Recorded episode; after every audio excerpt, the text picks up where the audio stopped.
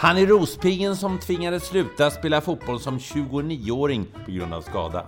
Som anfallare representerade han både AIK och Djurgården bland annat.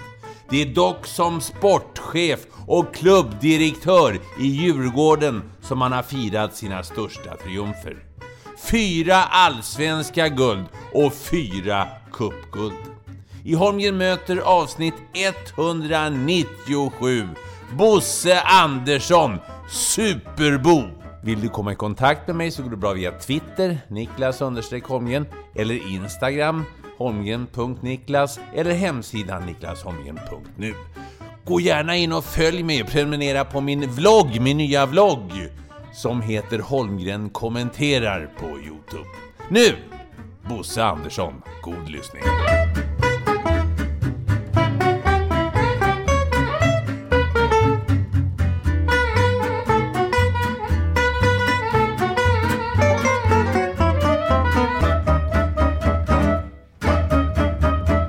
Bo Magnus Andersson, född den 26 augusti 1968 i Norrtälje. Det är Superbo, det är Lanthandlaren, det är Guld-Bosse. Kärt barn har många namn. Hallå Bosse! Hallå Niklas! Trevligt att vara, ha dig här. Tack för att vara här. Vi gjorde ju en podd för några år sedan då i, ja. i Bosse Petterssons regi i, i Vi Lirare. Eh, sen har det ju hänt lite grann på några år. Nej, men vi har haft eh, roliga år i Djurgården. Dels ekonomiskt har det gått bra. Vi har kommit ut i Europa, vi har vunnit kuppen och vi har blivit svenska mästare. Så att, eh, det har gått bra sen eh, du var här sist. Åtta guld har du varit med och vunnit totalt nu. Fyra eh, i Allsvenskan och fyra cupguld. Eh, vågar man fråga vilket som var det, det, det häftigaste och mest oväntade? Det är klart, när vi vann guld första gången på 36 år, 2002, nere i Elfsborg, då kanske vi var lite mer favorittippade eftersom vi tappade guldet 2001 lite snöpligt. Eh, det här guldet var väl kanske mer oväntat och ändå så var det en sån där rafflande allsvenska där det var sju lag och fyra lag. Och det avgjordes i, i sista sparken och där vi stod som vinnare. Det är klart att det här eh, ligger mig väldigt varmt om hjärtat och, och eh, var en otroligt härlig upplevelse att vi drog längsta strået och stod där som svenska mästare.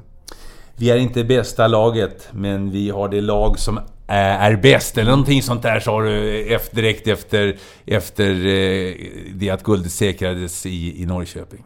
Nej men det var ju mycket snack och, och spekulationer och, och, media skrev och många lag utmärkte sig och, och, sa att de hade bästa laget och vi var inte det det bästa laget. Men vi var, tillsammans så var vi det bästa laget och tillsammans med ledare och allting runt omkring så, så stod vi där som vinnare och, och jag är så otroligt eh, eh, tacksam för att vi fick uppleva det och framförallt för våra spelare och som har jobbat hårt och, och, och eh, stå där som vinnare och, och, ledare och tränare som, som var coola ända in i, i där och, och stå där som vinnare. För det är, det, det är därför man håller på att vinna saker och det, jag älskar det. Mm. Ja, elitidrott handlar ju om att, om att vinna, det gör ju det. Ni var jagade under, under hela hösten. Hur, hur, var den känslan? Jag tror inte vi kände oss jagade själva, utan det var väl en brytpunkt. Eh, det, var väl liksom, vi, vi hade en eh, tuff vår med rätt mycket skador och inte samma elva någon match förutom för vid tionde och elfte omgången. Vi gjorde en bra sommar. Eh, det var ju brytpunkten att Djurgården skulle bekänna färg när vi skulle åka ner till och ha Malmö och AIK inom loppet av en vecka. Vi slog Malmö borta och eh, fick stryk mot AIK. Och sen dess så, så, så, var vi med i det där blocket som gjorde upp om det. Men vår egna press egentligen tror jag mer kom eh, när efter vi slog eh, Göteborg, ska jag vilja säga, borta. Då det var tre, tre omgångar kvar eh, med Örebro och eh, eh, sista matchen som, som vi hade, att vi hade det i egna händer. Eh, det, då var det trycket på, på, på det där som var enormt. Det här är ju en eh, otidsenlig podd egentligen, Bosse. Men, men nu är det coronatider i ja. Sverige. Eh, och hur agerar Djurgården? Hur hanterar ni det här? Allting är, är i stort sett nedstängt. Vi vet inte när, när serierna drar igång eller när, när idrotten kan dra igång igen. Nej, det är ju oerhört tufft eh, att, driva en fotbollsklubb ja, som är hela samhället i stort och hela världen som, som är någonstans i någon annans händer. Liksom. Och eh, så även fotbollen. Eh, vi har ett ansvar att driva en fotbollsklubb som vi har ett eh, både herr och damlag som spelar i allsvensk fotboll. Vi har över 2000 barn som, som spelar i organiserad form i Djurgården och vi har många engagerade supportrar och medlemmar. Våran Våran tid hade ju varit nu när kulan är i luften och mycket folk på läktaren, ett stort intresse. Det har skjuts på framtiden.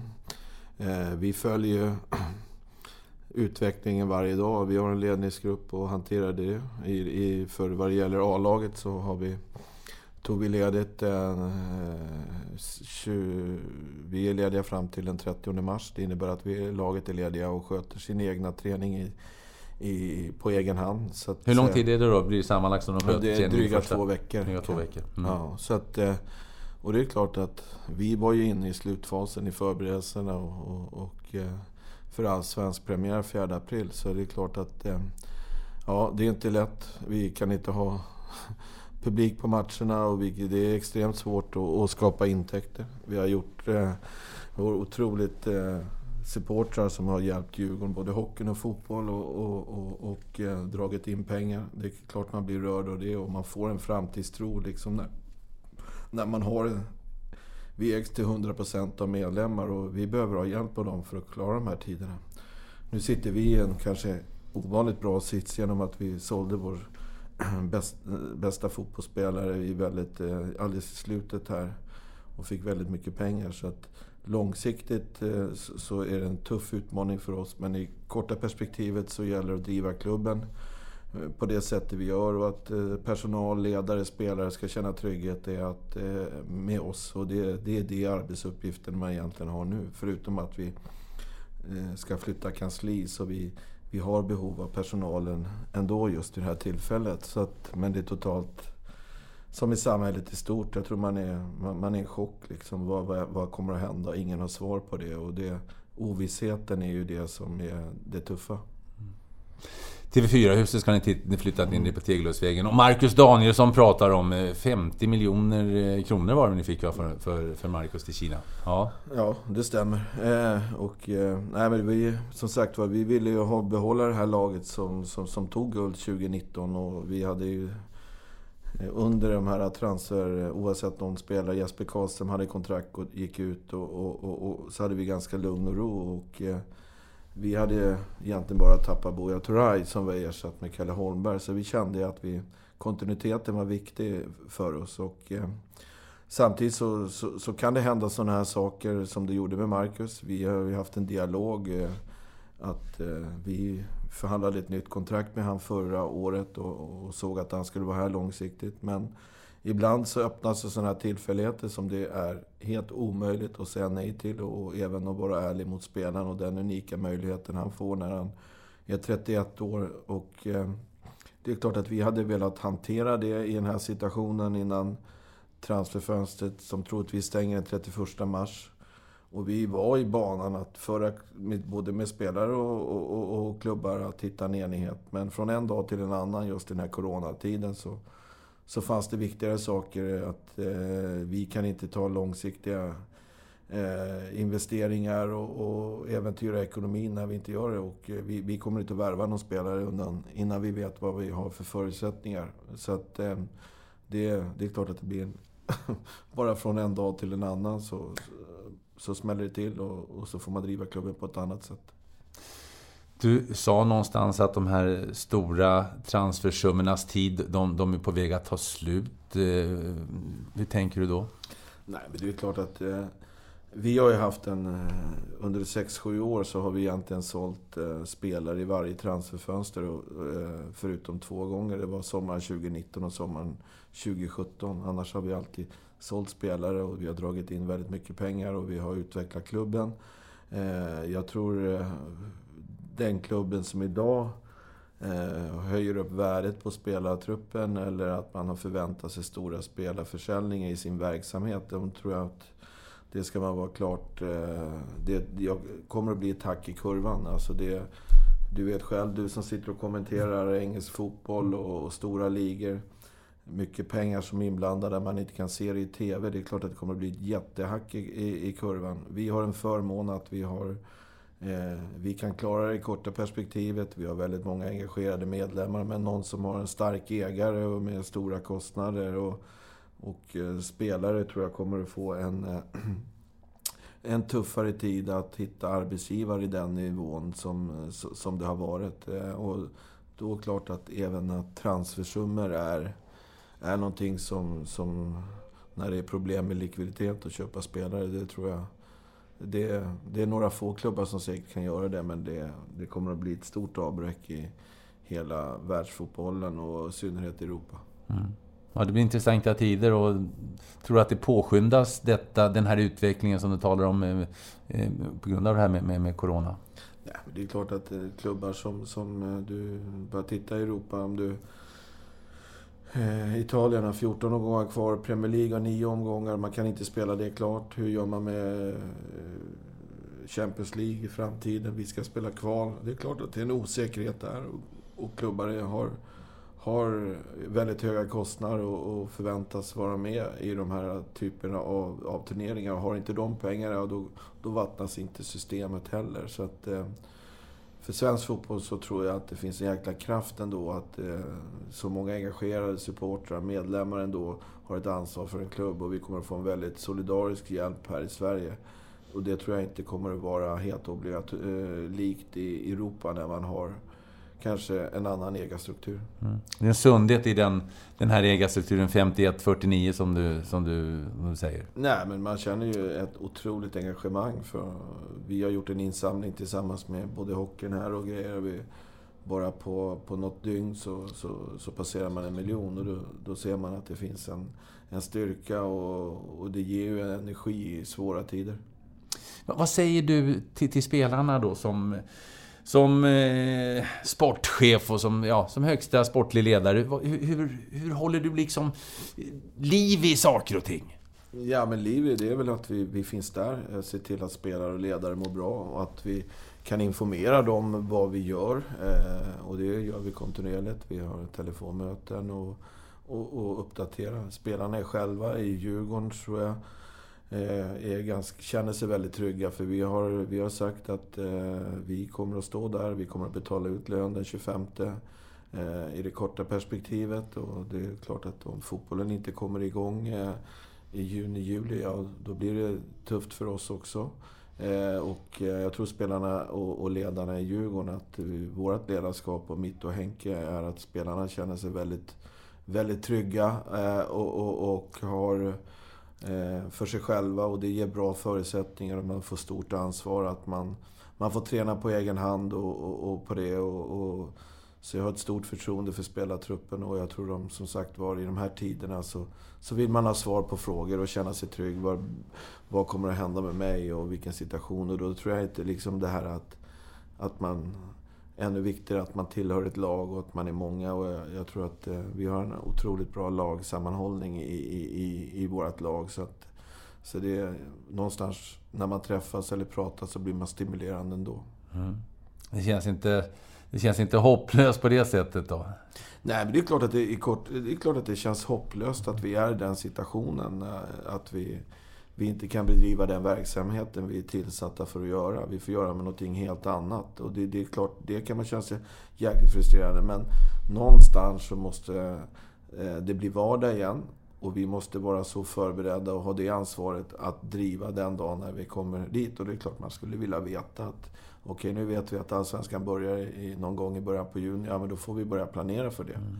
Eh, och sen kan det säkert bli hack på kurvor på det, men att det finns en grundplanering och tanke. Och det har vi ledare och, och personal som har, som har jobbat hårt med och, och det. Så att, eh, vi jobbar på fast det är inte som, som en vanlig vardag i, i en föreningsliv. Eh, Bosse, du var ju eh, klubbdirektör i Djurgården mellan 99 och 08. Sen tog du en liten paus och så återkom mm. du då som sportchef 2013. Vad är skillnaden på, på eh, eh Bosse i första halvlek och, och i andra halvlek, så att säga?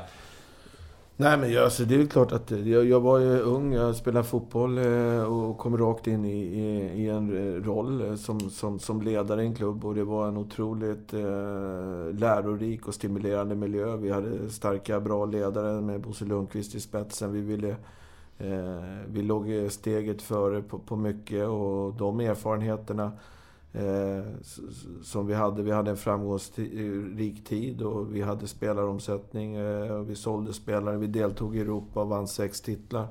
Sedan så sen är det ju svårare med det här att det blir alltid förändringar i föreningsliv och etc. Och jag, jag slutade där 2008 efter en diskussion med klubben och det var väl egentligen att man, man kände att liksom man hade gjort det här i väldigt många år och eh, kanske inte trodde på det sättet vi skulle gå in i det här. Eh, inte någonting som eh, kanske vad jag stod för och då är det klart ibland smärtar det att ta tuffa beslut. Eh, Eh, jag fyllde tiden med någonting som, som man fick distans till det här. Och det är liksom också så när man är i en bubbla och sen är man utanför en bubbla. Det är klart att eh, vi kom tillbaks, eh, jag och, och, Henrik som hade varit utanför ett tag. Och, eh, eh, vi sa det att om vi ska köra det här, då vill vi göra det tillsammans. Vi visste att det var en jävligt tuff situation. Eh, och en lång resa framför oss. Eh, och det krävdes ett tufft och hårt ledarskap och, och tuffa beslut. Och vi fick egentligen... Eh, vi har tagit ansvar för väldigt tuffa frågor under den här tiden och, och eh, eh vi har haft ändå, så att säga, resan har gått ganska snabbt. Vårt första mål var att få ordning på ekonomin och, och vårt andra mål var att liksom kunna ha en trygghet i klubben när det kommer svåra tider. Att vi eh, har balans på det och att vi skulle öka intäkterna och, och att vi skulle så smått bli en sportsligt eh, ambitionen höjas att vara med och vinna titlar och, och komma ut i Europa. Hur gör man det? Alltså, hur, hur arbetar Hur var strukturen? För att ja, det går inte att ta jättekliv om man inte får in jättemycket pengar på en gång. Mm. Hur... Nej, men det finns ju bara två vägar att få, få en... Eh, antingen så satsar man för en sportslig framgång. Då kan man få genom den biten. Det som gör det är att eh, om man inte får sportslig framgång så, och det går stolpe ut, ja då, då, då, då, får det konsekvenser. Hellre att man bygger upp ekonomin och gör varje verksamhetsområde lite, lite bättre för varje år och utvecklar det. Eh, vi har gjort eh, det också att vi har kombinerat med att vi har haft en klar och tydlig strategi med att vad vi har för kostnader för spelartruppen, vad vi värvar för spelare och, och att vi också ska vara, ha ett positivt eh, transfernetto som vi gör att vi kan investera i klubben. Eh, inte bara i fotbollsspelare. Och det, det är klart att vi, vi har gjort spelartransfer upp mot 300 miljoner på de här åren. Det är klart att eh, då är ju det som har räddat föreningen att vi även hade kunnat ha, ha sportsliga mål. Danielsson, är han den, är den, den tredje, fjärde dyraste spelaren? Eh, Zlatan, Isak, Ja, alltså för oss är det absolut den eh, största spelartransfern vi har gjort. Eh, sedan så kan man ju också räkna på, på netto och grejer. Men det som är unikt i Danielssons fall, det är ju att eh, det var en, precis i, bara några timmar kvar av fönstret. Eh, eh, han är 31 år. Mm. Han är back. så jag tror att det om inte bara Sverige så tror jag det är Skandinaviens dyraste back i den åldern. Ja, över 30 år, ja. Du, vad, vad, gjorde du under tiden mellan, mellan första och andra sessionen här i Djurgården? Nej, men dels så hade jag liksom en, ett mål med att eh, eh, jag är uppfödd eh, i en lanthandel där det var öppet varje dag och eh, semester och det var inte någonting som familjen hade i, inplanerat. Utan sen blev man fotbollsspelare och sen så jobbar man med det här liksom att någonstans så hade jag så, liksom något som kittlade mig. Det var att man äger sin egen tid och har en egen almanacka. Nu gjorde jag en väldigt bra uppgörelse med Djurgården som, som, eh, eftersom jag varit där i många år.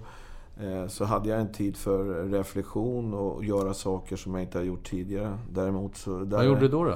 Jag hade ju en drivkraft att och, och, eh, snickra och bygga på ett mm. hus. Är du duktig på är du, är du händig? Jag är inte duktig, men jag är ganska drivande och ja. lär mig. Och sen har man...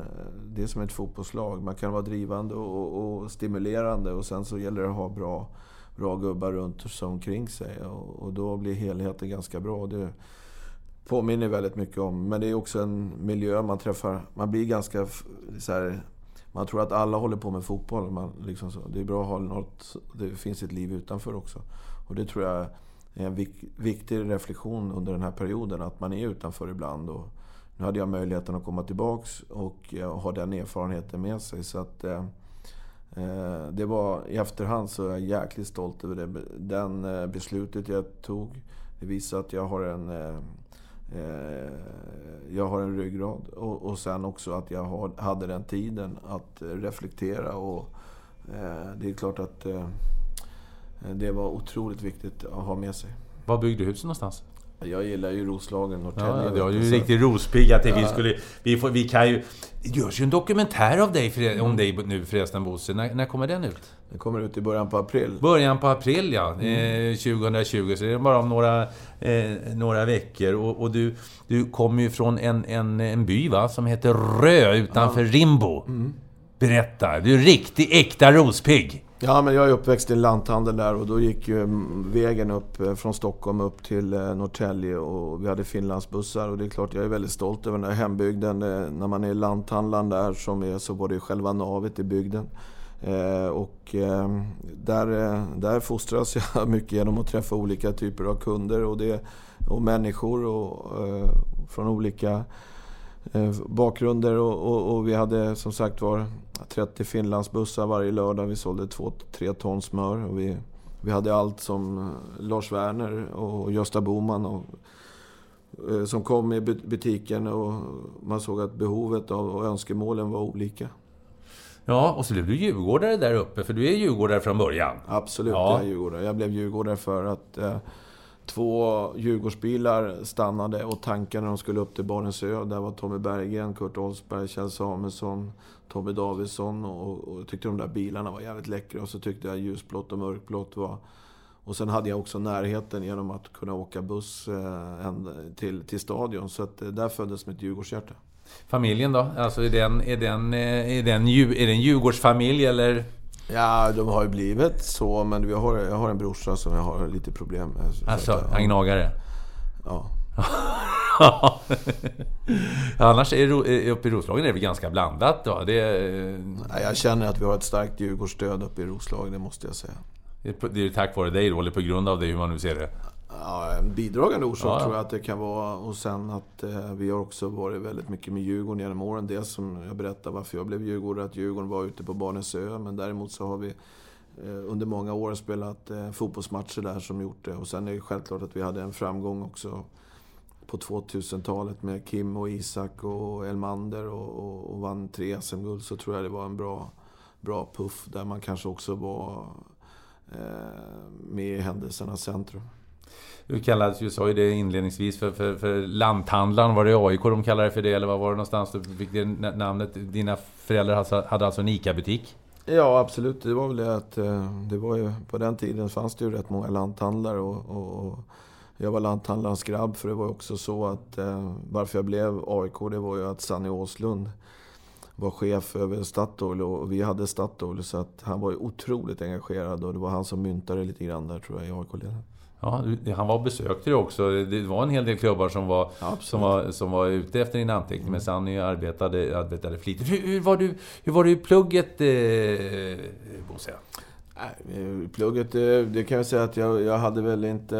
Eh, jag, jag, hade väl, jag var väl inte ett exemplar. Jag var väl lite av klassens clown. Och var det någon gång läraren valde ut några killar som hade hembesök och, och, så. Då var ju jag en av dem, det var inget snack om det. Men totalt sett så hade jag rätt bra vänner av mig, så jag mognade. Så att jag, jag blev bättre med åren. Eh, och eh, eh jag gick ut nia med ganska hyfsade betyg ja. för att... 3,5 vill jag minnas att du har sagt till mig att du gick Ja, det ligger där. Men däremot så när jag kom in på gymnasiet där så, så hade jag lite högre än det och det var tack vare alla ekonomiämnen eh, som jag hade. Där hade jag femmer i alla.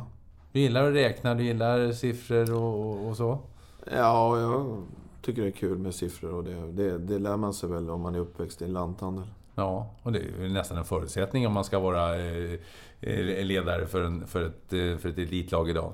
Att... Ja, jag tror ekonomin är en mm. viktig del och det är klart när det är klart att och ta, ta in pengar, man, göra av pengar är inga problem, men att ta in pengar också i en fotbollsklubb, det kan det vara det svåra. Och det är klart när kassören hörde av sig här för en torsdag morgon när det kommer betalt från Kina, det är klart att då blir man ju stolt. Ja. Du, eh, berätta, var, var, det, var det egentligen någon annan sport som pockade på din, på din uppmärksamhet som, som grabb? Nej, det kan jag inte säga att det direkt var. Utan jag, jag spelade eh, bordtennis och eh, mina bröder var otroligt mycket bättre än mig i, i, i bordtennis. Eh, sedan så finns det ju så på, på de här orterna så, så, så, så är det ju, var ju liksom fotbollsplanen navet för hela bygden. Det var idrottsföreningen, det var fotbollsplan det hände. Och jag hade närheten till det. Och sen hade jag turen med att vi hade eh, många i området som var i samma ålder. Och, och vi hade... Det blev fotboll, och, eh, men jag var kanske inte den här råtalangen som, som var. Men däremot så hade jag ett jävla driv. och, och och, och, kände det när jag var 14-15 år att fan, jag ska satsa på det här och ha ett mål att bli allsvensk fotbollsspelare. Och det är klart att eh, då fick man ju träna rätt mycket extra och ha klara mål. Och sen är det en svår väg att gå från division 7 till allsvenskan. I efterhand kan jag tycka med några klubbyten så, så är jag väldigt stolt över att jag gjorde den resan och, och spelade sex år i allsvenskan. Du har alltid varit en bra målskytt. Ja. Hur blir man det? Är, det? är det medfött? Jag menar, du ska du värva spelare. Du måste ju se. Är det, en, är det medfött eller är det en tränings, eh, träningsinstinkt? Vi har ju sett stora fotbollsspelare som har blivit bättre på att göra mål. Som Zlatan och Ronaldo med tiden. Men, men är det medfött? Ja, jag tror att det, det, eh, instinkten måste finnas där. Det, liksom, det, kan man nog inte lära sig. Man måste ha den där någonting att när bollen är i straffområdet så, så, så måste man kanske ha en jävla teknik eller, eller vara hänsynslös eller bara läsa situationen. Det, det, tror jag är en grundförutsättning. Sen kan man alltid bli bättre med åren och, och, och göra det. Men att om inte instinkten finns där, då, då, då tror jag det blir svårt att, att vara målskytt eller vad man än ska vara. Utan för mig var det, var det viljan och instinkten som gjorde att jag blev bra. Sen fanns det brister på de andra sakerna. Vad tyckte du det brast mest på då? Nej, men det var ju klart att man när man är, börjar sådär och börjar din 27 och, och så, så är det klart att eh, spelare som, som kanske hade en annan typ av talang och spelat fotboll i mer organiserad form eh, och så kommer det någon från liksom division 7 som, som gör det på annat sätt. Eh, ja, det är klart att Eh, jag kommer ihåg att jag tränade med eh, vår vän Limpan. Det är klart man kände sig ganska talanglös när han höll på att slå tunnor på en hela mm. tiden. Liksom. Ja, du, du, sa det att när, så småningom att du fick jobba hårt när vi nådde de här mm. eh, högre höjderna. För, för, du gick från Rö IK som, som din, din moderklubb och hemby, mm. hemby, hem, hembys eh, till, till BK Vargarna, BKV Norrtälje. 90 1988. Det var, det var ett stort kliv bara det, eller hur? Ja, men det är alltid svårt att byta miljö och det tror jag man har väldigt viktigt med sig också idag som en ledarroll. Att komma till en ny miljö och det är liksom, man kan vara en bra fotbollsspelare men det beror på så mycket annat. Eh, man måste bli accepterad i gruppen, man måste känna delaktighet och så utifrån det så får man självförtroende och så kan man växa som spelare. Och det, Eh, det, jag gjorde väldigt många klubbyten där och, och hade du frågat någon i de här laget när han kom i januari, februari, det här blir tufft men däremot så blev resultatet bra eh, eh, ju längre säsongen blev. Så man lärde sig att och anpassa sig dels till högre träning och, och, och också framförallt så tycker jag det är viktigt där, för att få självförtroende att man är ett lag och man får känna sig att man är sig själv än att man inte har, man har den osäkerheten. Då kan man aldrig bli bra fotbollsspelare. Utan jag, jag, jag blev accepterad väldigt ofta i, i, i lagen och, och, att jag fick vara mig själv och inte vara någon annan person. det tror, tror du att det var för att du är en... Du är en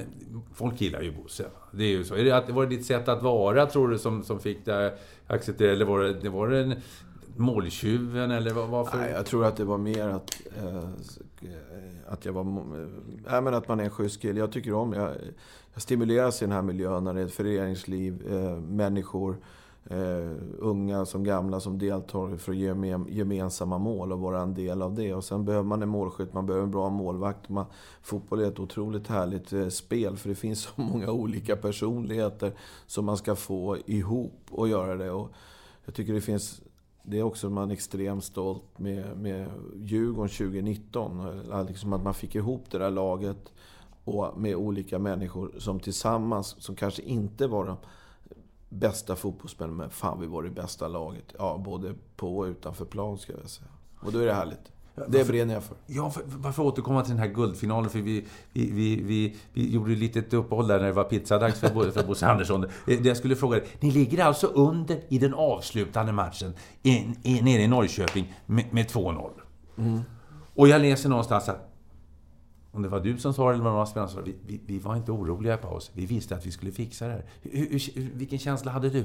Jag kan väl säga ärligt att jag inte hade samma känsla.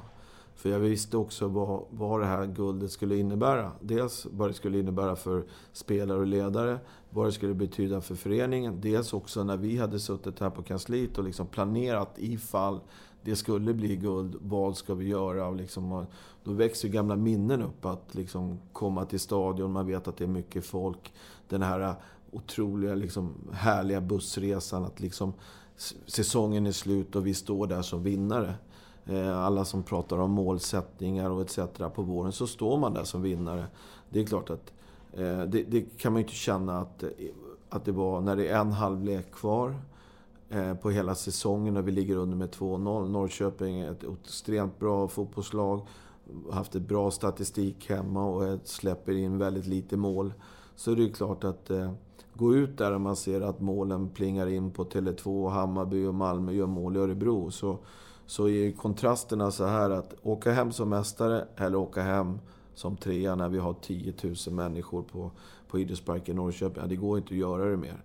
Men däremot så, det som, om man tittar på de som var runt och, och så här, ta Pelle Kotschack eller Henrik Berggren eller något sånt där. Man bara känner, vi har ändå 45 minuter kvar på att göra det. Och, och så kom man in till spelare i omklädningsrummet och såg våra tränare.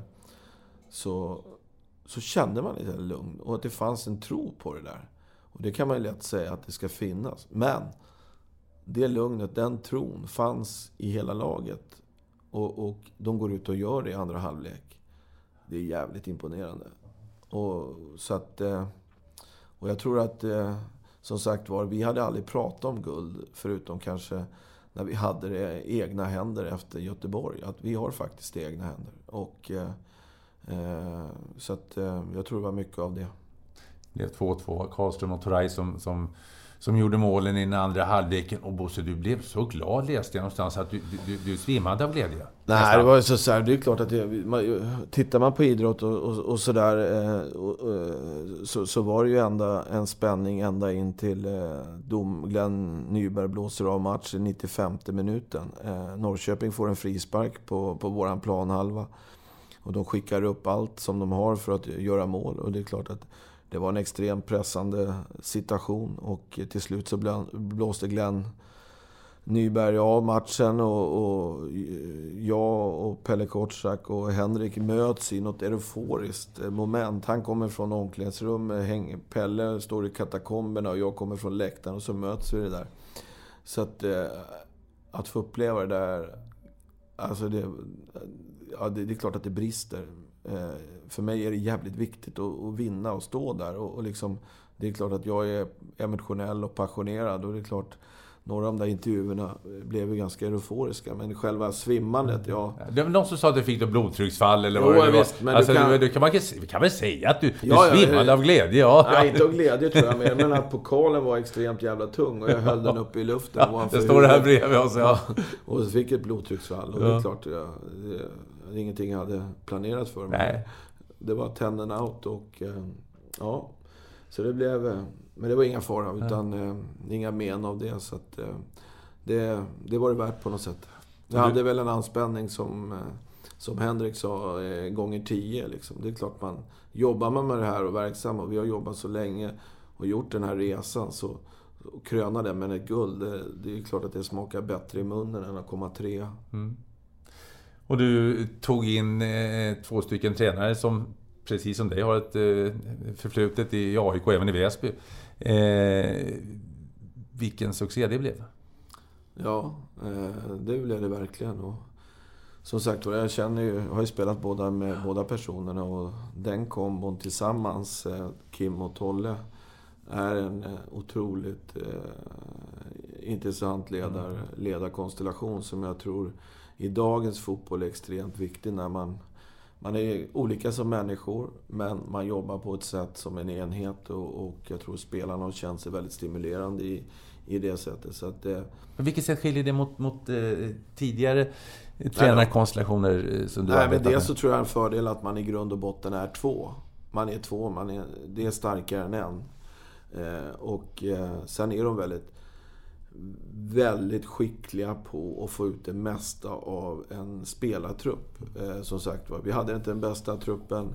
De har gjort stordåd och energiskt jobbat på i svåra, tuffa miljöer. Långsiktigt, som i Sirius i sju år. Spelar i tredje divisionen.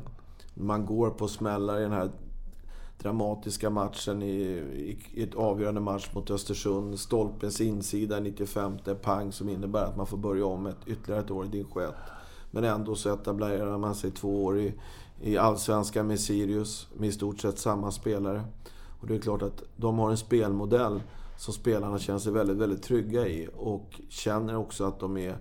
Det är stimulerande att vara spelare i Djurgården för de får också mycket ansvar. Men, Eh, men också instruktioner och jobbar i varje övning att det ska vara fart på bollen, det ska vara liksom en ganska hög kravprofil för att man ska klara av att spela fotboll. Och gör man det, gör man tråkiga saker, gör man roliga saker, ja, då blir man stimulerad för man utvecklas som spelare och känner trygghet. Och det tror jag de är extremt duktiga på. Är de, är de, skulle jag säga att, de, att de, har sin trygghet i, i sin modell Ja, ja. Som, som de har bevisligen fått resultat på tidigare? Det som Ja, är... sen tror jag de känner en trygghet, fast de är olika personer, så tror jag de känner en trygghet i, i det sättet eh, och väldigt kompetenta tränare. Men det är så- Kim som har sista ordet om laguttagningen, eller hur fungerar det där? Eller, Nej, eller Kim kom- och Tolle, de är här på delat ansvar och exakt jämställda. Eh, sen om Kim har sista ordet eller Tolle har sista ordet, det är aldrig någonting jag märkt. För mig är de Kim och Tolle och, och det, det är en enhet som, som, eh, som givetvis växeldrar i vissa saker. Eh, men gör det på ett väldigt fint sätt. Apropå eh, eh, Kim och Tolle då. Eh, vi, vi, vi ska ju gå vidare i din karriär tänkte jag. Från Vargarna där du var 88 så gick du till, till Väsby där du bland annat hade Erik Hamrén som, eh, som eh, tränare. Ett Väsby som hade gjort en marsch upp i seriesystemet. Och som var ganska nära, eh, ganska nära eh, Rö och Roslagen. Ja. Nej, men det blev ett härligt steg alltså från Rö, 4-5 mil till Väsby och så kommer man dit i slutet av 80-talet. Vilda, Vilda Väsby som du läste om, hade gått upp i elitserien och var på, på samma träningsanläggning. Väsby som också var, hade haft en tynande tillvaro och spelade i näst högsta serien. Eh, du hade... Hela Väsby blomstrade ju på något sätt. Eh, Du hade också Europe som fanns Ja. där i bakgrunden, som kom därifrån. Final Countdown, ja. Eh, framtiden var på 80-talet, det var ju någonstans i, i Väsby. Det var en väldigt stimulerande miljö att vara i och komma till. Och det kändes som ett bra första steg. Sen kom jag också till en grupp med en trupp som bestod av en 13-14 spelare som, som, som var uppväxta i Väsby med några Göran Göransson, mig och några utifrån. Så, så det var en grymt bra sammanhållning. Och, och de tog väl om hand om mig där man fick vara och jag hade ju förmånen att spela mycket och fick mycket förtroende av Erik Hamrén och vi hade en fantastisk eh, säsong där vi var med och slogs och, och, eh, i toppen. Och eh, ja, du eh, är i Väsby eh, 1989, en, ett år också. Sen kom då Sanny Åslund åkande med, med sin, eh, med sin Statoilbil och körde dig till Råsunda. Eller hur funkar Ja, det? det var ju inget val. Han, var, han åkte inte hemifrån i min bostad innan han var klar. Så det, jag hade andra anbud, men han... Det var, Ja, det var också- rätt många anbud då. Det var, det var Djurgården och det var Örebro och det Ja. var... Nej, Eh, men jag hade en del anbud. Men däremot så tror jag också det var ett, någonting som jag har viktigt, som jag har med mig idag i mitt arbete. Just det där engagemanget. Den där att man jobbar hårt, man ger sig inte. Och det tror jag liksom, Sanni var en sån där, och mina klubbval. Att träffade klubb, klubbledare som var passionerade, de brann för dig, de hade en tydlig plan etc. och sånt. Så, så, så tror jag det mötet var liksom, en, det, det, ett sånt möte med Sanny när han väl sitter med någon ifrån styrelsen, i, då är det... då, då, oavsett vad man har hjärta eller vad är miljön rent sportsligt. Och det, där visade de det på ett engagemang som, som var extremt viktigt.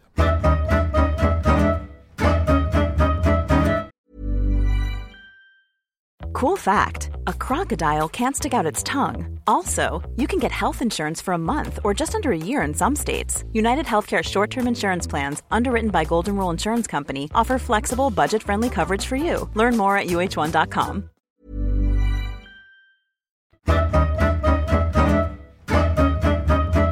Hur var, hur, var, hur var då känslan att komma till, till AIK, nationalstadion, Råsunda? Eh, det Nej, men det är klart att det var stort. Att högst flux så har man gått igenom seriesystemet och så spelar man på Sveriges nationalarena med allt vad det innebär när man tränar och har sin hemvist eh, på Råsunda.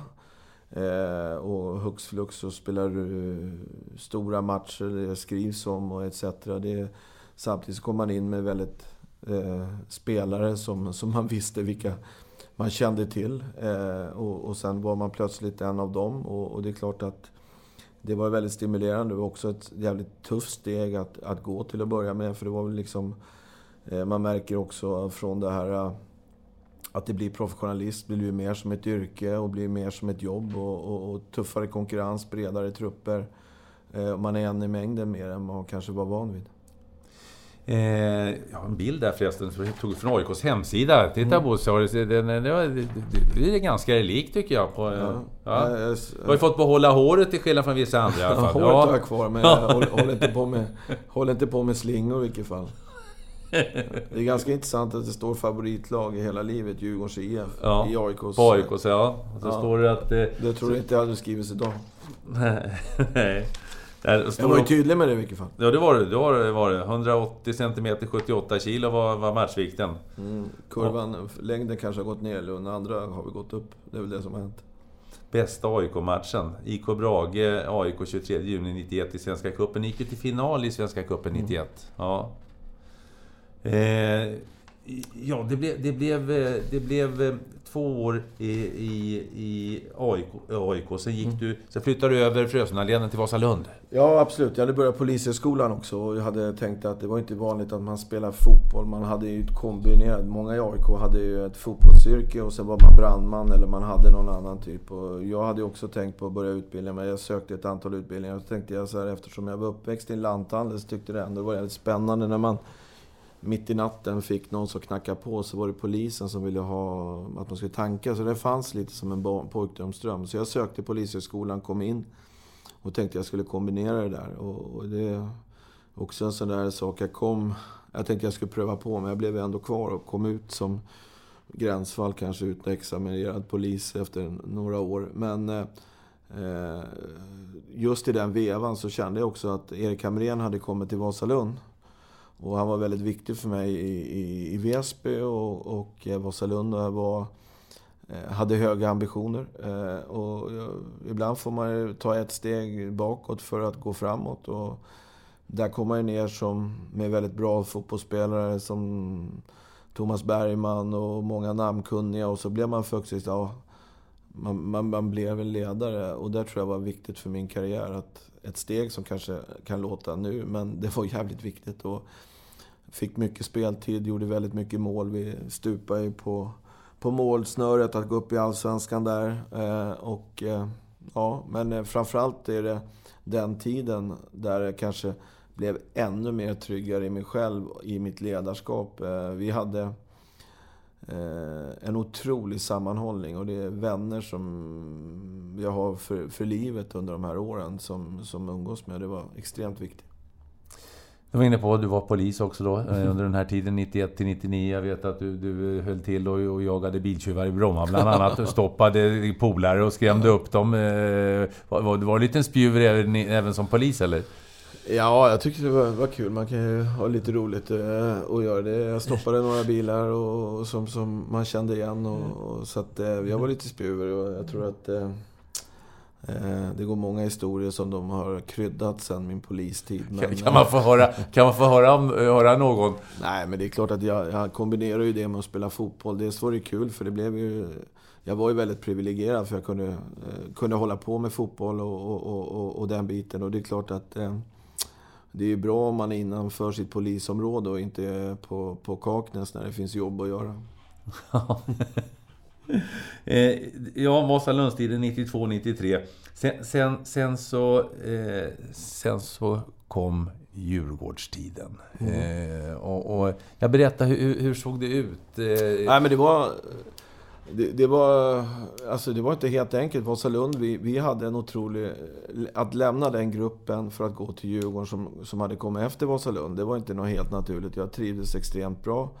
Eh, men samtidigt så kände jag någonstans, om jag ska göra någonting eh, som jag har velat när jag var liten, att har jag chansen att gå till Djurgården och de var väldigt engagerade att jag ska komma. Och sen var det ju så att Nebojsa Novakovic, som jag hade spelat med i Vasalund, eh, spelade i, i Djurgården. Och han har ju varit extremt viktig för mig. Alltså vi kompletterar varandra extremt mycket. Och eh, det var en bidragande Om vi två skulle kunna spela tillsammans och eh, med, med, med, med det här laget så, så, så kände man ju att fan, det skulle vara stimulerande att få igång Djurgården och kunna komma upp i Allsvenskan. Och samarbetet eh, blev ju succéartat. Eh, jag tror jag, jag gjorde väl 24 mål och Nebbo gjorde 19. Och Nebo låg väl bakom mycket av mina mål, ska man ja. ju säga. Så att, eh... Du vann Djurgårdens interna skytteliga både 94 och 95. Mm. Eh, så det var, ett, ja, det var en lyckad, mm. lyckad firma. Ja, men absolut. Och jag, som sagt var jag mycket för och, och tacka för de här åren. Och, och, eh, otroligt skicklig fotbollsspelare som, som är fin som människa. Och även liksom det här att man är en lagspelare och, och, och, han var mån om mig och stor respekt för honom. Eh, hur, nära var du, hur nära var du att, att få, få känna på landslagsspel, tror du? Ja, jag, var, jag vet att jag var... En gång så, så var det någon turnering i England. Så, så, så fick de något återbud och då ringde de Dick Lidman. Annars hade han hade närmare talande, tror jag. det var det, ja. Det var Tommy Svensson har sagt i efterhand. ja. Men de hade ganska bra forwards på den här tiden, ja. 94-95. Ja. Så att... Eh, eh, det, det är ingenting som... Det var nära i vilket fall. Det har ja. Tommy sagt i efterhand. Ja, ja, men... Dicken bodde i Sollentuna och jag bodde liksom. Så att, men... Eh, ja, det, fotbollen var hett där och det... Dalin och Brolin och, och Kenneth Andersson som man har kontakt idag är rätt roligt. Mm. Du, du eh, om vi tittar vidare på, på din karriär då, så småningom fick du sluta eh, eh vid 29 års ålder på grund av, mm. av knäskada. När började du känna av kroppen? Nej, men jag kände att jag var, jag var lite... Jag hade en tuff spelstil. Jag gjorde någon sån här tavla också. Jag kände ju rehaben och så kände jag att 97 var ett slitigt år med, med, med knät. Och jag som jag kunde inte göra mig själv nu, vet när man tror att man ska spela och så kan man inte göra sig själv rättvis och sen så springer man där kanske och muttrar lite grann. Och så, där. Så, så kände jag att jag ska genomlida den här säsongen. Och sen hade jag ju liksom en... Jag tänkte så att... att Okej, okay, jag går in och kollar knät. Vad behöver vi göra? Om det inte är bra så bokar jag en utlandsresa i fyra månader. Och det hade jag drömt. Jag hade tänkt åka när jag var 20. Vad skulle du åka då? då?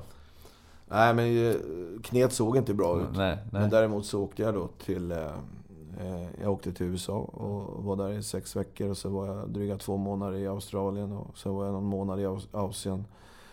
och det var ganska härligt som ja, 30-åring att dra iväg på en sån resa. Eh, så att, eh, och efter det så kände jag liksom inte att jag hade det här suget på fotboll utan mer livet och, och, och träffa människor och resa. Sen fick jag ett samtal när jag var på den där resan och frågade om inte jag skulle kunna, kunna vara, börja gå in i styrelsen och bara vara verksam. För vi var i en väldigt tynande tillvaro. Och sen eh, när jag kom hem från den resan så, så blev det så. Och ja, det fanns ju en del saker att göra. Och jag hade ett... Tillsammans med Bosse Lundqvist så, så, så blev jag väldigt stimulerad i, i det arbetet att få Djurgården att bli ett allsvenskt topplag och göra det långsiktigt. Eh, och göra de stegen som vi gjorde. Och, eh, vi, vi blev ju svenska mästare fyra år senare. Mm. Ja, det, blev, det, gick ju, det var ju tre, tre SM-guld där på, på kort mm. tid. Du, innan vi, vi får inte glömma, vi får inte, vi är inte klara riktigt med din karriär ännu Bosse. Vi var ju i Portugal, ja. så det var ju portugis ett tag, i Braga. Mm. Berätta! Nej, men det är klart, det var precis innan Bosman-tiderna och eh, jag, de var och tittade på Jonny Rödlund i Degerfors och vi vann matchen med 2-1 och eh, i augusti och jag gjorde, jag gjorde mål. Eh, och så kom det fram en, en portugis som frågade liksom om jag skulle vara sugen på Portugal. Ja, varför inte? Och sen så slutade det med det att jag hamnade i Braga. Eh, och eh, Eh, ja, blev fotbollsspelare, professionell fotbollsspelare. Vilket eh, var min första match då mot Benfica. Och som, som gjorde att jag, jag gjorde mål mot Benfica. Var det hemma eller borta? Hemma. Aha. Direktsändning i, i TV. Eh, presidenten satt ju då på, på, på bänken. Och han fick en hjärtattack, så ambulansen kom och hämtade honom. Sen såg jag inte presidenten och mer. Jag fick lite problem att få ut pröjs också kanske. Men, men det var ett otroligt härligt minne och jag lärde som sagt var erfarenhetsmässigt. Det är alltid när man byter land eller byter klubb. Och byter man land också så blir det mycket annat, kultur och etc. som, som var. Och jag, jag uppskattar väl kanske mer den svenska fotbollen där man är ett lag och, och, och det blev otroligt... Var det egoistiskt tyckte du? Ja, individualist ja. Och, och, och, även saker som man tog eh, som givet för i, i, Sverige. Liksom. Jag kommer ihåg jag sa till tränaren en gång där, vad fan, när vi har frisparkar och hörnor, då är det ju bra att veta om man har någon kombination eller etc. Och så, och så sa kan vi inte göra eh, så att om man slår den på första och så... Då tittade han på mig och så sa han, han Manuel Cajuda som då är portugis eh, tränare och så tittade han på mig och så sa han jag tror vi hade seglat runt hela världen innan isen gick där du kommer ifrån. Så då var det lite svårt att gå vidare. ja. Eh, 95-96 och sen så då blev det eh, Djurgården eh, 96-97 eh, eh, som, som en, eh, ja, det var väl sista, sista åren där då som du gjorde rycket när det kom. Hur kändes det att komma hem från Portugal då? Kände du... Kände... Nej, men jag kände ett ansvar. Dels för att jag hade sagt en sak om att... Att för det hade Bosman blivit. Och jag fick tillåtelse för Djurgården att åka innan Bosman-tider. Och jag tyckte jag hade ett ansvar. Det var därför också jag kom hem. Eh, och eh, jag trodde också kanske eh, inte var det mest naturliga man har gjort, men det gjorde jag då. Och jag är extremt stolt över att jag gjorde det. För att jag hade sagt en sak och sen... Jag tror inte jag hade fått det förtroendet i Djurgården om jag inte hade gjort det. Och med att vara klubbdirektör och kanske då också även sportchef. Vi ska säga det innan vi innan jag byter sida här. Vi, du är faktiskt inte den enda allsvenska fotbollsspelaren från Röd. Det finns... Eh, det, det, det lilla stolta samhället har, har... En till ja. ja. Han är materialare i AIK. Ja. Åke Bulten Andersson. Han är precis granne med mig. Vi är inte släkt. Han var ju stor idol givetvis. Det var ju eh, en kille som kom från Rö som spelade allsvensk, eh, allsvensk fotboll och var... Han hade ju kanske andra egenskaper som inte jag hade. Han var ju snabb, han var spelskicklig. Jag var lite mer brunkare och tuffare. Men det var ju självklart en eh, stimulans att ha han i i, i byn så att säga när han kom med sin AIK-bil eller kom med lagkamrater från AIK Så man fick skjuta med. Jag slog ju straffar när jag var 7-8 år på Leffe Karlsson. Det var liksom lite roligt och stimulerande. Jag tror det är bra med förebilder på, på sådana orter. Men framförallt så var det Björn Wallegård, den stora stjärnan i Rö. Just det, just rally, rally Björn ja. ja. vann ju Safari-rallyt till och med. Ja. ja. Så att, eh, ja, det finns lite profiler från Rö. Ja. Var bor du nu förresten? Bor... Ja, nu bor jag i Täby. Jag har gjort det, det i 20, 20, ja. 20, år. Så att, eh, Men du har väl någon sommarkåk där uppe någonstans? Det har... Ja, alltså, skärgården är viktig för mig. Och, eh, nu i coronatider så, så utgår jag helst från Roslagen. Det gör så ja. Mm. Barnen har blivit stora? Absolut. Ja. Du, vem är den bästa du har spelat med? Nej, men som har varit viktigaste, som, det måste jag säga, Nebojsa Novakovic. Eh, absolut, han har betytt mest för mig och är väldigt spelskicklig spelare. Så att eh, det, det utan tvivel. Vem är den bästa du har spelat emot? Men jag tycker... Eh, om man tittar i svensk fotboll så, så, så den spelskickligaste som, som jag har spelat emot och så där så finns det väldigt många. Men en som ligger mig varmt om hjärtat också för att jag känner honom som person. Men jag kommer ihåg i slutet av början på 90-talet, Stefan Rehn i IFK Göteborg. Ja, den spelskickligheten, det spelsinne och den... Eh, det, det är inte många, många fotbollsspelare som har. Och nu umgås vi eh, sådär och det är en väldigt fin människa och vän också. Mm. Eh, vilken är den bästa tränare du haft eller den som betytt mest för, för Bosse Andersson? Nej, men det, det, självklart så, så, så, så måste det är klart att om man har haft en tränare i ungdomsåren så, så, som vill att man stimulerar, tar sig tid, så ja, då finns det en som heter Tommy Andersson i Rö. Annars hade jag aldrig kunnat spela fotboll. Sen finns det ju, ja, Erik Hamrén var väldigt viktig som jag nämnde, men också Anders Grönhagen skulle jag vilja säga. Mm. På vilket sätt var de viktiga? Nej, men alltså Erik Hamrén var ju väldigt ung och hade höga ambitioner och engagerad. Och, och, och jag känner mig väldigt delaktig i, i den. Han vågade satsa på mig som kom från en lite mindre serie. Sedan så, så, så funkar det väldigt bra med Erik. Eh, han, eh, han insåg eh, vad jag var bra på och ville lära mig ännu mer. Och vad jag också var för person, att, att vara en ledare och fick stort förtroende på så sätt. Grönes eh, är också en fotboll och, som, som passade mig och liksom väldigt optimistisk i, i, sitt sätt där man liksom inte trodde det själv. Men resultaten blev eh, väldigt, väldigt... Eh, en person som, som, som fick, det, fick ihop det på, på ett enkelt och bra sätt. Vilken, vilken är den bästa värvningen du gjort då? Mm. Nej, det finns alltid, man kan ju alltid räkna det på olika parametrar, men däremot så tror jag liksom... Eh, hade vi inte fått Andreas Johansson som spelade i AIK i början på, på 2000-talet när han valde att gå från Champions League till Superettan i Djurgården. Det tror jag var en väldigt enskild viktig, för då tror jag inte vi hade fått eh, den framgången som gjorde att Andreas Isaksson, Kim Källström kom. Eh, på den tiden. Och när de kommer så kommer en Mander, när, man, när det börjar kugga i sådär. Så att eh, det är väl klart att de namnen under det här 2000-talet var extremt viktiga. Sedan så, så kan på senare år, ja, rent ekonomiskt, ja då kan vi säga att Marcus Danielsson är, är en spelare som eh, är arbetslös, kommer hit som gratis och är 28, 29 år och så ja, det blir vår största spelartransfer någonsin. Men sen är det ju också sådana här öden som som man har. Men ganska färsk i tiden, en som låg mig extremt varmt om hjärtat var ju Tino Kadewere som kom hit som 18-åring. Eh, under väldigt tuffa förhållanden. Hans pappa hade precis dött.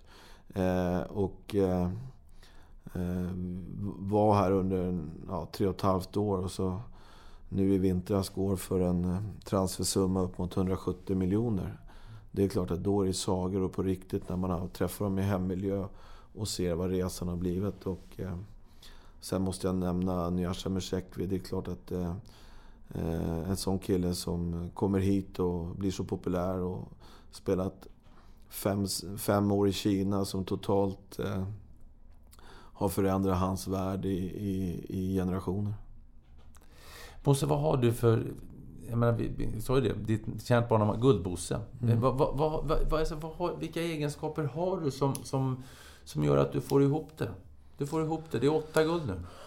Nej, men jag tror att eh, jag är väldigt passionerad och engagerad. Jag lämnar ingenting liksom. Eh, jag är beredd att finnas där under hela tiden. Eh, och det känner att eh, eh, jag är bättre som ledare än vad jag var för, eh, som fotbollsspelare. Men däremot så har jag haft många ledare som har inspirerat, som jag har tagit från. Och sen, sen är det så att jag känner att jag, jag får vara mig själv. Och jag eh, ser liksom människan och vad man kan göra. Liksom, oavsett bakgrund. Så, så jag, jag, gillar att umgås med, med alla typer av människor. Och det, det måste man ha den... Eh, att få dem stimuleras i ett lagspel. Det tror jag är en av mina, att säga, jävligt envis också. Och, eh, Hur tar det sig uttryck när du, när du är envis, att säga, i, i, din roll som, som, som sportchef? Nej, men alltså jag, jag, jag är passionerad eh, djurgårdare. Jag vill att det ska vara bra för Djurgården eh, på ett sätt. Och jag vill också på, med raka puckar veta att spelarna har någon Eh, att lita på att jag är passionerad för, dem. Och då är man kanske envis, eh, som likt jag nämnde Sanny, att man ger sig inte förrän det är klart. Eh, och, och, och eh, så kanske jag är lite orädd också. Och, och, och, och den kombinationen gör gör mig som en bra ledare. Är du god på att skapa en, en god stämning också? Ja, det tror jag är en av mina... Jag tror att eh, oavsett om det är privat eller eh, med vänner eller att med ett fotbollslag så tror jag att man... Har man inget roligt i, i laget eller har man inget roligt med vänner, ja, då blir livet jävligt tråkigt. Och jag tror att gör man roliga saker, då är man beredd att göra tråkiga saker. Då brukar slutändan eh, målet bli, ja, bli bra, så att säga. Och, och eh, att man finns där såväl när det går bra som dåligt. Det är inte alltid det går bra i fotboll. Då kan man titta, ja, vi har vunnit fyra gånger men man har ju förlorat några matcher däremellan också. Det, jag tror man måste vara beredd på att ibland blåser det medvind, vilket det har gjort här nu under där. Men nu, nu kan det bli helt andra vindar. Och, ja, speciellt i de här coronatiderna så, så ställs det ju också helt andra egenskaper på dig som ledare än vad det kanske behöver göras i framgång. Är du en bra förlorare?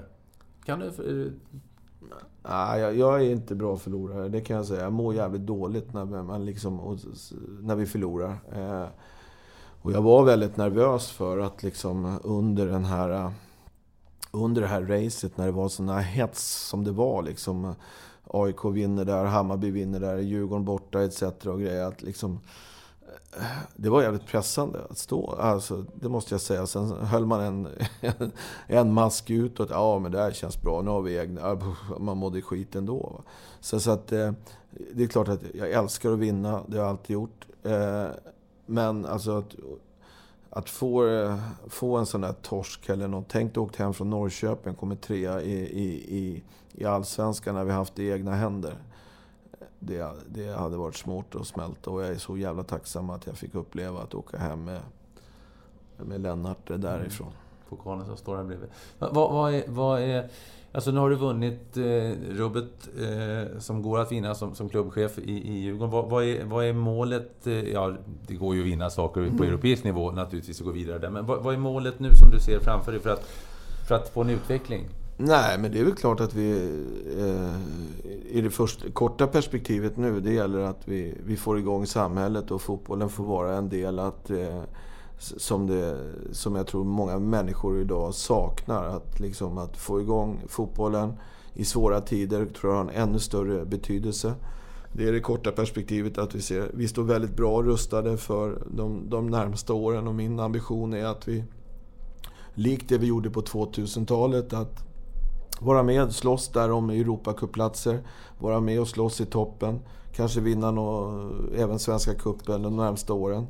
Eh, så att... Eh, målet är väl att, att vara med och etablera Djurgården som en stormakt i svensk fotboll. Man ska ha stor respekt för att det finns andra, men det, det är min drivkraft. Sedan sen hur, hur länge man gör det, jag har ingen ambition att vara i något annat lag eller vinna någon Premier League-titel eller något sånt där. Utan jag, jag trivs jävligt bra i Djurgården. Jag vill fortsätta jobba med det ett antal år till och sen så kanske finnas med i ett senare skede att vara med någon som kan vara eh, ge goda råd och vara med och vara delaktig i den erfarenhet med kontakter och samtidigt så få ett liv som kanske inte är det här pressande på grund av fotbollsmatcher utan mer... Skulle du inte sakna det då, Bosse? Att jo, leva det... under den här... Lite få den här bassen som du... Som... Ja, men absolut. Och det är som jag sa, när man är borta ifrån det, då kan man...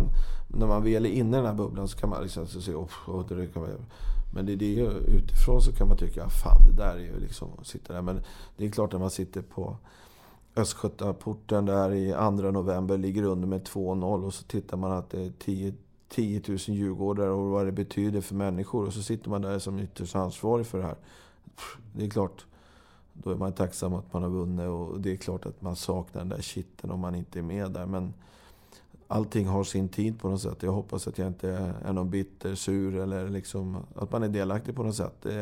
jag har formats av ledare som har varit fantastiska i Djurgården. Gunnar Lundqvist till exempel som, som var med början på 50-talet och sånt där. Att jag tror det är viktigt att det finns sådana ambassadörer som eh, för klubbarna över historien och generationer. Ta Pelle Kortsak som är en fantastisk ambassadör idag. Mm. Du fyllde 52 år i, augusti. Det är ju ingen ålder! Det är ju ingen ålder. Eh, jag, jag tänkte på... Vad, vad, alltså... Dr. Abram fyller 63. ja, precis. Det är 26, 26 augusti också. Men jag pratar ju... Du har inte någon dröm om att vinna Premier League-titel och liknande, men... Men, men alltså om det skulle, skulle komma en fråga om... Vill du komma som, som manager till, eller klubbdirektör, eller sportchef eller sådär. Funkar det på, på din nivå? Eh, sådana saker? Ja, det gör det säkert. Ja. Det är mer vanligt utomlands. Jag menar det. Eh, sen samtidigt så, så, Om man är 52 år och så har man hittat sig själv liksom. Och, och så tänker man vad man är för person. Och så jag, måste, jag måste ha en passion, jag måste ha en hjärta i, i de jobben jag gör. Jag har ett hjärta, jag har en passion att utveckla Djurgården. Jag har förmodligen också lite e, både erfarenhet och, och kunskap. och haft eh, ja, lite skicklighet och även lite tur så, så, så, så, känner jag ju att det är inte säkert att jag är lika bra i en klubb där jag kanske gör det bara som ett jobb. Det här är mitt livsstil. Det är mitt... Eh, Eh, det är ju, Djurgården betyder ju nästan allt för mig. Mm. Jag vet att du lever mycket med fansen och liknande. Att, just den här känslan. Vad, vad, vad, vad idrotten betyder. Det, det, är ju rätt fantastiskt. Jag kommer på det själv emellanåt när jag, när jag märker hur... Du kan ju säga vad du vill om vissa saker, men säger du någonting om, om deras fotbollslag eller mm. hockeylag så, så, så, så, så då, då ryker, eh, ryker det. Ja. Nej, men det är klart att det är väl bara att titta vad, eh, vad det har betytt att vi tog ett SM-guld 2019. Vad det har betytt eh, för oss, mig och Henrik. Vi får ju nästan nypa oss i armen eh, ibland när man får allt smicker och det sättet vi har jobbat. Och det är klart att det ger ju, eh, förutom titlar, eller liksom, det ger ju en... Det är obetalbart för mig. Alltså att vara en del av det som, och den kärleken vi har upplevt. Det tror jag alla som var med i Djurgården under det här 2019 som spelare, som ledare, som tränare och vi som personal och allting runt kommer att minnas det här som något, något helt fantastiskt när man väl sitter på, på, på, på ålderdomshemmet eller var vi än är. Så, så kommer vi att prata om det här. Kan, kan du ta emot det positiva? Alltså, är det, är det, ja, alltså, alltså, jag är ganska dålig på det, att ja. njuta av det, eller att man växer till himlen. Däremot så, man kan höra det och det är klart, det är ju jävla mycket trevligare om folk säger trevliga saker och, och grejer än att man får andra, andra så att säga. Men Eh, att ta åt sig det, ja. Men det, det, är ingenting som... Jag kan, jag kan vara någon annans... Jag kan ha de problemen som... Ja, eh, för att jag vill göra ett bra jobb för Djurgården. Och, eh, jag kanske ligger där då. Eller hur? Och jag menar, fast man får en klapp på axeln, ja, då kanske man har huvudet någon annanstans. Eller man har krav på det. Men självklart så har vi njutit. Eh, eh, och jag, personligen har jag fått en extremt stor uppmärksamhet för det här eh, guldet och det arbete vi har gjort de sista åren. Vad är en vinnare för dig? En vinnare i, i livet, så att säga?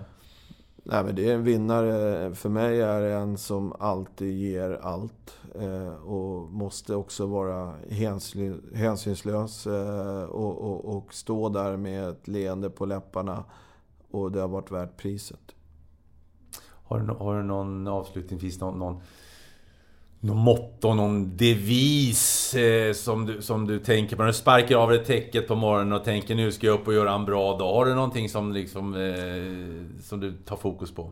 Nej, det, det, kan jag inte säga att jag har några sådana där grejer. Men däremot så, så, så, så, så att... Eh, Eh, som ledare gäller det att stimulera andra och, och se till att man har eh, en blandning på professionalism och, och, och, och, glädje. Eh, har man inte glädje då, då spelar ingen roll vilka, vilka pengar du, du petar in. Det måste finnas en stolthet att tillhöra Djurgården och, och jobba med det som är viktigt för föreningslivet. Det, det har jag med mig när jag vaknar upp varje morgon. En fin avslutning, men jag kom på en fråga till. Jag måste ja. fråga dig, vi, vi, sitter ju på Stadion, ja. gamla klassiska Stadion där, där, mm. där, ja, som har varit Djurgårdens hemvist i modern tid. Eh, nu ska ni flytta härifrån också. Ja. Fotbollsmässigt har ni flyttat till telefonen. Nu ska ni flytta kansliet ner till, till Tegeluddsvägen, mm. ner till, till Värtahamnen. Ja, men det är, så, det är klart att jag, jag började här 98 och jag, det här är min arbetsplats, det är mitt hem eh, till mycket delar och det är klart att det är mycket känslor. Eh, Djurgården har vuxit som förening också. Vi har, vi har kan vi säga tre enheter. Vi har en stor ungdomsverksamhet och akademi och flick, både flick och pojk eh, på Hjorthagen. Vi har på här vi har vår eh, verksamhet för, för det allsvenska laget, allt ekonomi och sen har vi vår verksamhet på Kaknäs. Eh, våra lokaler uppe på Hjorthagen är utdömda. Vi har haft som ambition att flytta tillsammans och ha allt på samma ställe. Eh, och det finns för och nackdelar med allt. Självklart känslomässigt att lämna stadion, stadion och klocktornet. Men eh, nu får vi väldigt bra lokaler och jag tror det kommer eh, vara väldigt bra för Djurgården att vi har allt under samma tak när det gäller fotboll för herrar, pojkar, flickor och, och, och futsal och allt vad det innebär med att driva en fotbollsklubb. Så har vi allt under samma tak. Det tror jag är, kommer att vara väldigt viktigt framöver. Några andra avslutningsord Bosse innan vi, innan vi slutar denna podd? Det är alltid lika trevligt att sitta och prata. Vi kan prata hur länge som helst, men jag ser att du sitter och sneglar lite på klockan också.